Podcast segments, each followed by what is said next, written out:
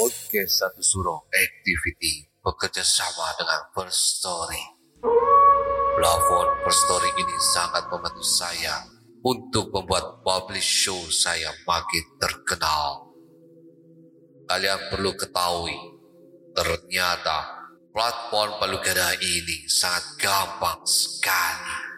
Keren, lengkap, dan yang pasti 100% gratis. First Story tidak hanya mempermudah untuk mengelola podcast.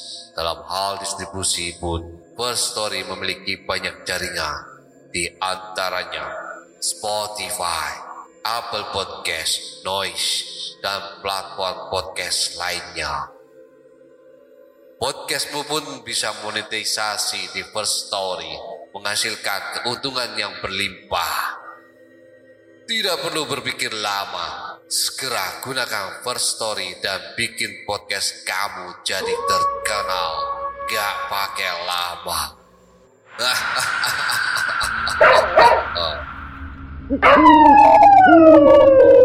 Sugeng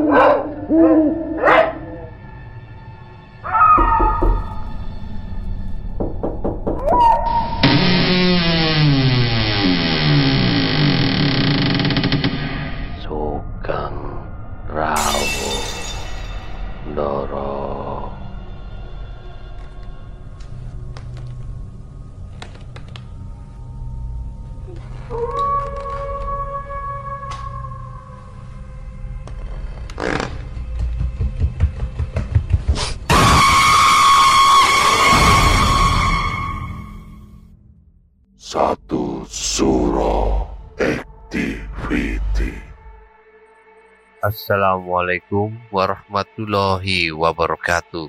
Selamat malam. Rahayu, rahayu, rahayu. Para pendengar satu suro activity. Saya Panembahan Dokter Mistik. Episode sebelumnya, Lorong 13, bagian ketiga. Bu Nuri menantikan kepulangan Andre dengan cemas. Ke mana ya si Andre? Masa pergi dari maghrib tadi hingga hampir tengah malam belum kembali? Kata Bu Nuri dengan bolak-balik jalan di dalam kamar. Karena takut terjadi apa-apa dengan keponakannya itu, Bu Nuri pergi ke pos jaga. Ia ingin menanyakan keberadaan Andre di pos jaga. Malam itu ada empat petugas. Dua sedang istirahat, dua berjaga. Bu Nuri mendekat. Selamat malam, Pak. Sapa Bu Nuri ramah. Selamat malam juga, Bu. Ada apa malam-malam begini belum tidur? Ujar petugas jaga. Iya, Pak. Ehm, saya mau tanya keberadaan keponakan saya. Ada apa dengan keponakan Ibu? Tanya petugas setelah mempersilahkan Ibu Nuri masuk. Keponakan saya itu pergi dari maghrib sampai tengah malam begini belum kembali. Jelas Bu Nuri dengan cemas. Memang perginya ke mana? Pamitnya tadi mau bertemu salah satu perawat. Perawat? Ibu tahu siapa nama perawat itu? Saya tidak tahu pak. Cuma kata keponakan saya, ruang kerjanya di ujung lorong 13 ujung lorong 13 tugas itu tersentak. Kadangkala saat kita menemani jaga atau menjenguk seseorang yang diopname di rumah sakit tanpa kita duga kadangkala terjadi sesuatu peristiwa yang berbau mistis. Seperti halnya kisah mistis malam ini melihat sesuatu di sebuah lorong 13 bagian keempat. Selamat mendengarkan. Melihat petugas jaga seperti terkejut mendengar lorong 13. Bu Nuri semakin cemas dengan keadaan keponakannya. Pak, kenapa memang di lorong 13? Tanya Ibu Nuri cemas. Petugas jaga itu hanya tersenyum Sengaja ia tidak mau menceritakan keadaan di lorong 13. Karena memang semua karyawan rumah sakit tidak boleh menceritakan hal-hal yang bisa membuat pasien ketakutan atau sakitnya menjadi lebih parah. Eh, uh, tidak apa-apa, Ibu. Sekarang Ibu kembali saja ke kamar.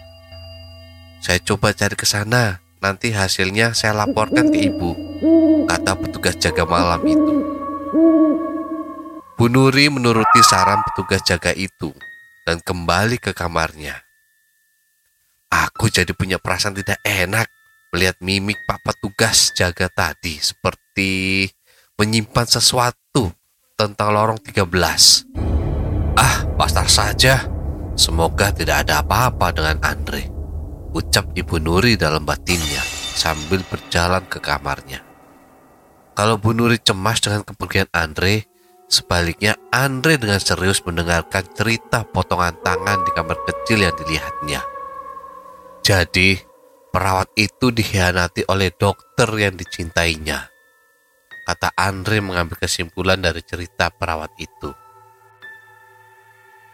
Ya betul, perawat itu kecewa berat. Ternyata rasa cintanya ke dokter muda itu hanya bertepuk sebelah tangan.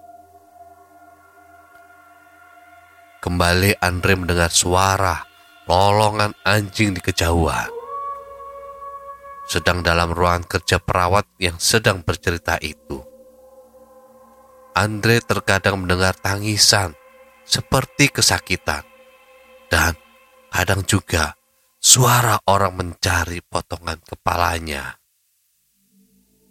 Mbak, kok suasananya mencekam ya? Tanya Andre yang mendadak tubuhnya dingin dan tubuhnya merinding. Mencekam apanya sih mas? Itu cuma karena mas udah ada dasar takut. Jadi takut beneran, kata perawat itu sembari membetulkan posisi duduknya.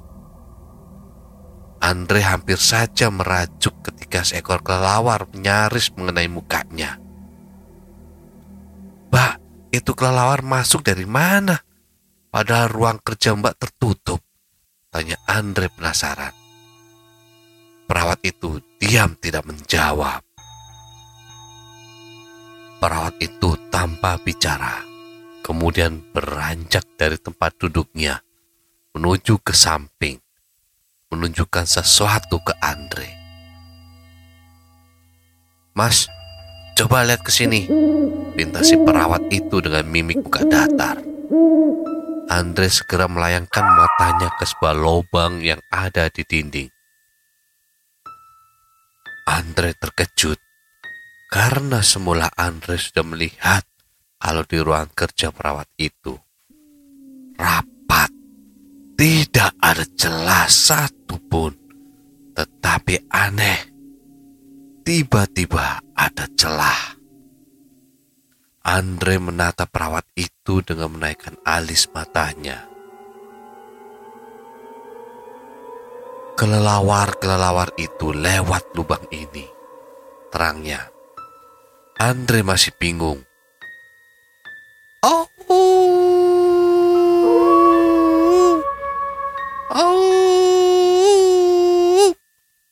Kembali suara lolongan anjing terdengar di telinga Andre. Mbak, tapi ucap Andre sambil tengok kanan kiri. Tapi kenapa? Sebentar mbak, saya dengar ada suara langkah orang berbaris. Apa itu? Kata Andre serius ke perawat itu. Mas, kamu ini aneh bertanya yang tidak-tidak. Benar mbak, saya dengar langkah berbaris. Andre meyakinkan si perawat itu. Perawat itu hanya tersenyum. Orang kalau sudah ketakutan, lihat bidadari pun ya dibilang hantu. Aneh, betul-betul aneh. Itu juga mbak, lubang atau celah yang Mbak perlihatkan tadi dari pengamatan saya tidak ada. Tetapi Kenapa mendadak ada? Ujar Andre yang di dalam batinnya. Ia baca surat Al-Quran, apa saja yang dihafal. Saat Andre coba baca ayat kursi, Andre mendengar suara gaduh di luar. Seperti orang berlari ketakutan. Pak, dengar tidak? Suara apa itu di luar gaduh? Tanya Andre sembari terus baca ayat kursi. Suara gaduh apaan mas? Andre berpikir, kenapa pula perawat ini jadi belepotan begitu? Itu suara gaduh, masa tidak dengar? Perawat itu menggeleng. Andre terus baca ayat-ayat suci. Keanehan-keanehan pun bermunculan sekarang di luar kamar kerja perawat itu. Andre mendengar suara wanita dan laki-laki menangis karena kepanasan. Suara apa lagi itu? Jangan-jangan karena surat-surat Al-Quran yang aku baca, mereka jadi kepanasan. Gumam Andre. Andre semakin penasaran, walau dalam hati kecilnya sudah mencurigai kalau saja perawat yang saat ini bersamanya seperti menyimpan misteri. Kejadian-kejadian aneh pun terus Andre jumpai. Seperti malam itu, ia mendengar seperti suara benda jatuh, tetapi tidak ada wujudnya. Kemudian ada suara-suara minta tolong dan yang membuat Andre melompat dengan jantung yang rasanya hampir copot. Sebuah bola jatuh dan mengenai kepalanya. Aduh, astagfirullah. Bola jatuh dari mana ini bola mbak? Tanya Andre ke perawat yang duduk di depannya. Perawat itu lagi-lagi diam dengan diselingi senyuman yang dingin. Senyumnya terlihat hampa dengan sorot mata yang hampa juga. Mas, sudah tidak usah takut. Itu semua hanya perasaan mas saja yang sudah ada benih ketakutan. Tutur si perawat itu. Tidak takut bagaimana? kata Andre sembari waspada kalau ada sesuatu keanehan muncul lagi. Ya takut yang tidak beralasan. Kembali telinga Andre menangkap suara wanita tertawa cekikan seperti digelitik. Suara apa itu? Wah, benar-benar mencekam. Aku harus pergi dari sini, gumam Andre. Tiba-tiba Perawat itu tertawa dengan terlihat giginya sedikit. Namun, itu sudah membuat Andre sedikit merinding. Perawat itu memiliki taring. Wah, Mbak ini punya taring, kata Andre dalam hati. Mas, saya tahu. Mas ingin segera keluarkan dari ruangan saya kan? Ujar perawat itu. Apa? Perat ini tahu apa yang ada benakku dan memang aku ingin segera keluar, kata Andre dalam batinnya. Di ruang misterius ini, Andre bergulat dengan keanehan-keanehan. Di luar di lorong 13, dua petugas jaga berjalan menuju ke ujung lorong 13. Min, sepertinya di ujung lorong ini tidak ada siapa-siapa. Tanya petugas jaga yang bernama Sapiran Ketukimin. Iya ya Ran, tapi ibu tadi mengatakan kalau keponakannya ke tempat perawat yang ruang kerjanya di ujung lorong 13. Sapiran berpikir, ini pasti ulah hantu si Seruni. Sini, Ajak Saripin dengan menarik tangan Tukimin mendekat dirinya. Kamu tahu, ini pasti ulah si hantu seruni.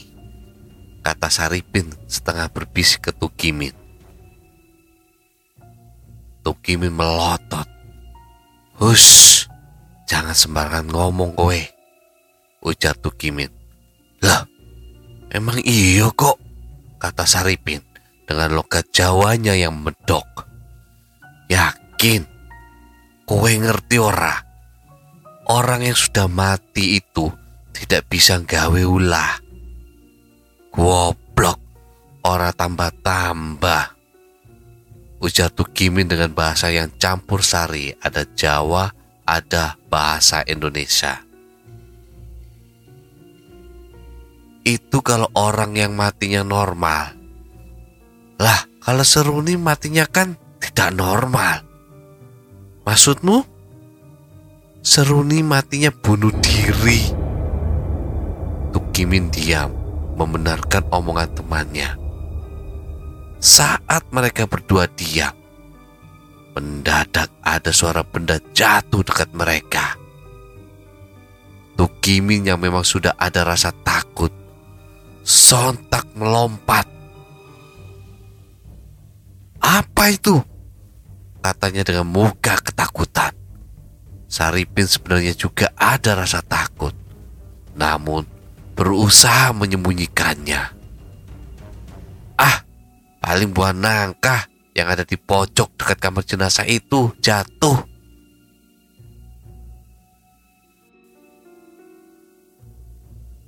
Andre yang ada di dalam ruangan si perawat itu berusaha untuk bisa segera pergi dari tempat ini.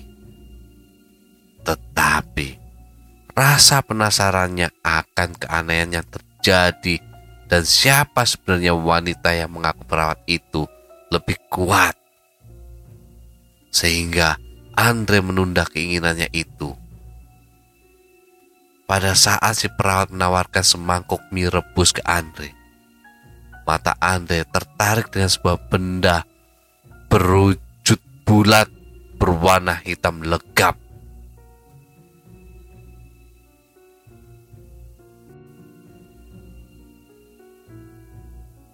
Andre beranjak dari tempat duduknya dan berjalan mendekat ke benda misterius itu. Setelah sampai, Andre berusaha menyentuhnya dengan kakinya. Tiba-tiba, benda itu berubah berwujud potongan kepala manusia dengan mulut meringis. Astagfirullah, apa ini? Kamu hantu? kata Andre sembari meloncat mundur.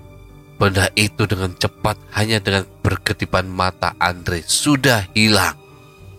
Andre menoleh ke arah perawat yang masih duduk tenang dengan makan mie rebusnya. Hei mbak, lihat tidak benda yang saya dekati tadi? Tanya Andre seru.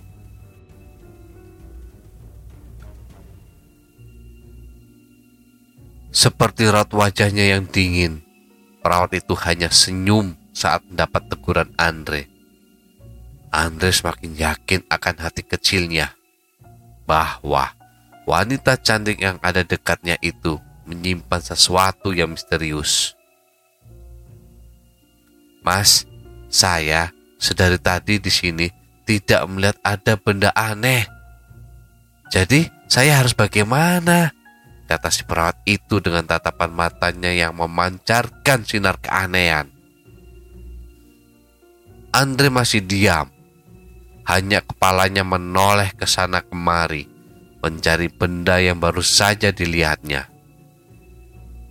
Di luar ruangan suasana sepi sekali, seperti di hutan yang ada hanya suara-suara serangga malam, dan sesekali gonggongan dan lolongan anjing. Tubuh Andre pelan tapi pasti mulai merinding. Saya heran, sedari tadi Mbak ini selalu berpenampilan biasa-biasa saja. Padahal di sini saya sudah beberapa kali menemui kejanggalan. Ujar Andre dengan terus memandang muka perawat ini. Ia ingin tahu bagaimana reaksinya. Ternyata perawat itu tetap tenang.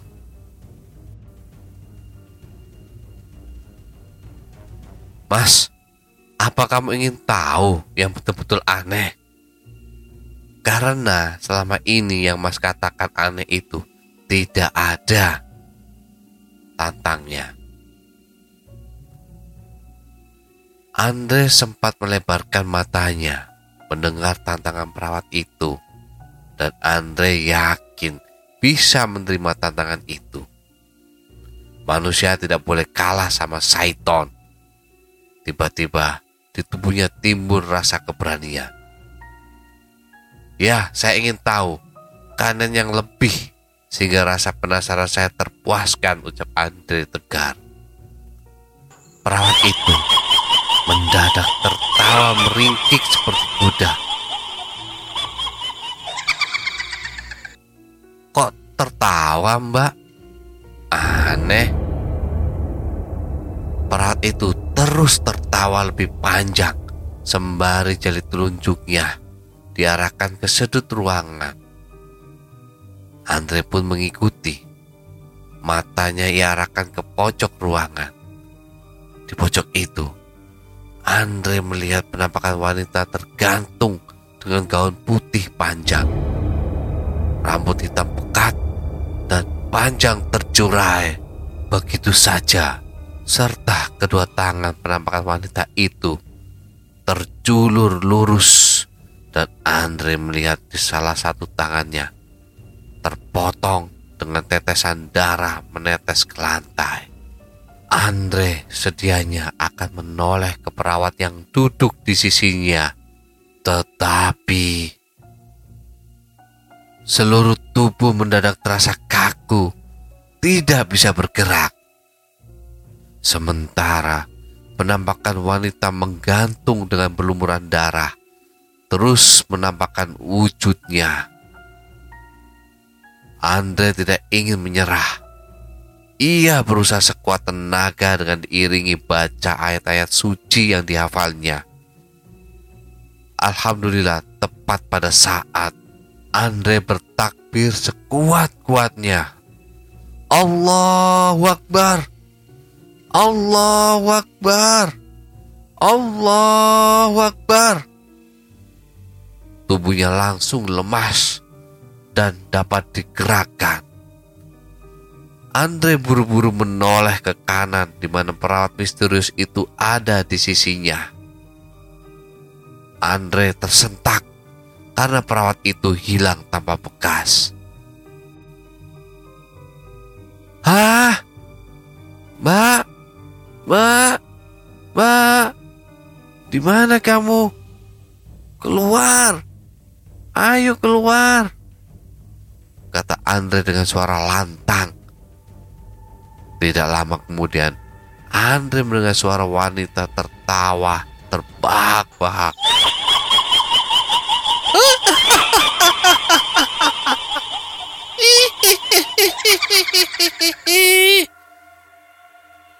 Mas, ini saya. Ada di depanmu. Andre melihat ke depan. Ternyata penampakan wanita menggantung itu. Itu perawat yang menemani mengobrol. Muka Andre tegang nafasnya memburu. Ja, jadi, jadi, ja, jadi kamu hantu. Tanya Andre dengan suara keras. Kembali Andre mendengar suara tertawa wanita.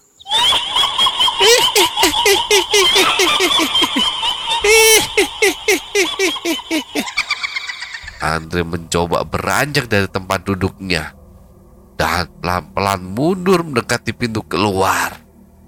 Sementara penampakan itu semakin menunjukkan keseramannya. Matanya melotot, mulutnya menyeringai dengan mengeluarkan darah dan gigi taringnya siap untuk mengoyak leher Andre.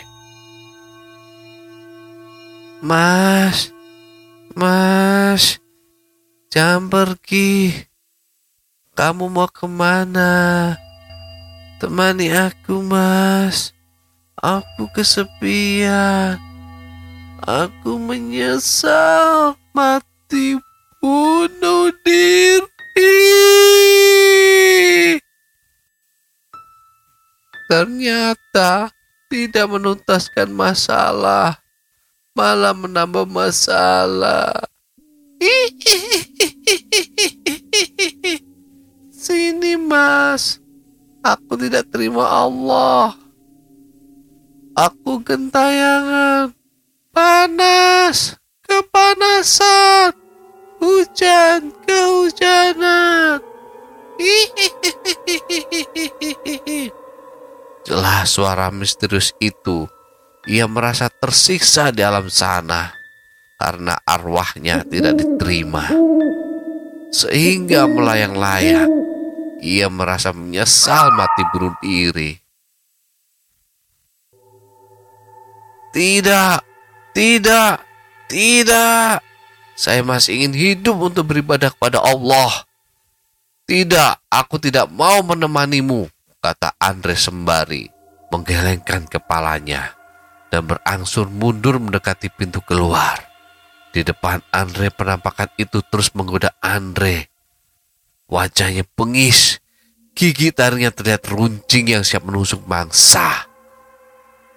Andre terus juga berusaha menjauh dan karena tidak konsen, saat Andre berangsur mundur, tangannya tidak sengaja menyentuh sesuatu benda dan jatuh yang menimbulkan suara. Brak! Andre terkejut dan melompat. Allahu Akbar! Takbir Andre sambil melihat benda apa yang tersenggol dan jatuh. Tiba-tiba, penampakan wanita menggantung itu, kepalanya lepas dari anggota tubuhnya dan bergerak ke arah Andre yang disertai tertawa cekikikan. Mas, sini mas, aku kesepian. Tidak, tidak, saya tidak mau. Kamu sudah lain alamnya dengan saya. Seru Andre dengan terus bergerak mundur yang diikuti kewaspadaan dan terus juga Andre melafalkan ayat kursi berulang-ulang. Penampakan itu terlihat kepanasan. Tubuhnya yang terpisah dengan kepalanya menggeliat-geliat dan potongan kepalanya bergerak maju mundur yang diiringi tertawaan. Terkadang juga suara geraman layaknya suara anjing yang akan berkelahi. Pergi kamu, pergi! Suara Andre setengah berteriak mengusir penampakan setan itu. Setan itu tidak bergeming. Ia terus bergerak mendekat ke Andre. Andre tidak ada jalan lain. Dengan tekad yang kuat, ia lari ke pintu keluar. Sesampai di pintu keluar, Andre seperti tersadar Ruangan yang semula dilihatnya terang, bersih, dan sejuk karena AC. Mendadak berubah jadi gelap dan berisi benda-benda rongsokan. Selain itu juga banyak sarang laba-laba, tikus, dan binatang-binatang lain yang cukup berbahaya. Alat jengking, Andre berusaha membuka pintu dengan menggerakkan anak pintu. Tetapi tidak berhasil karena pintu terkunci.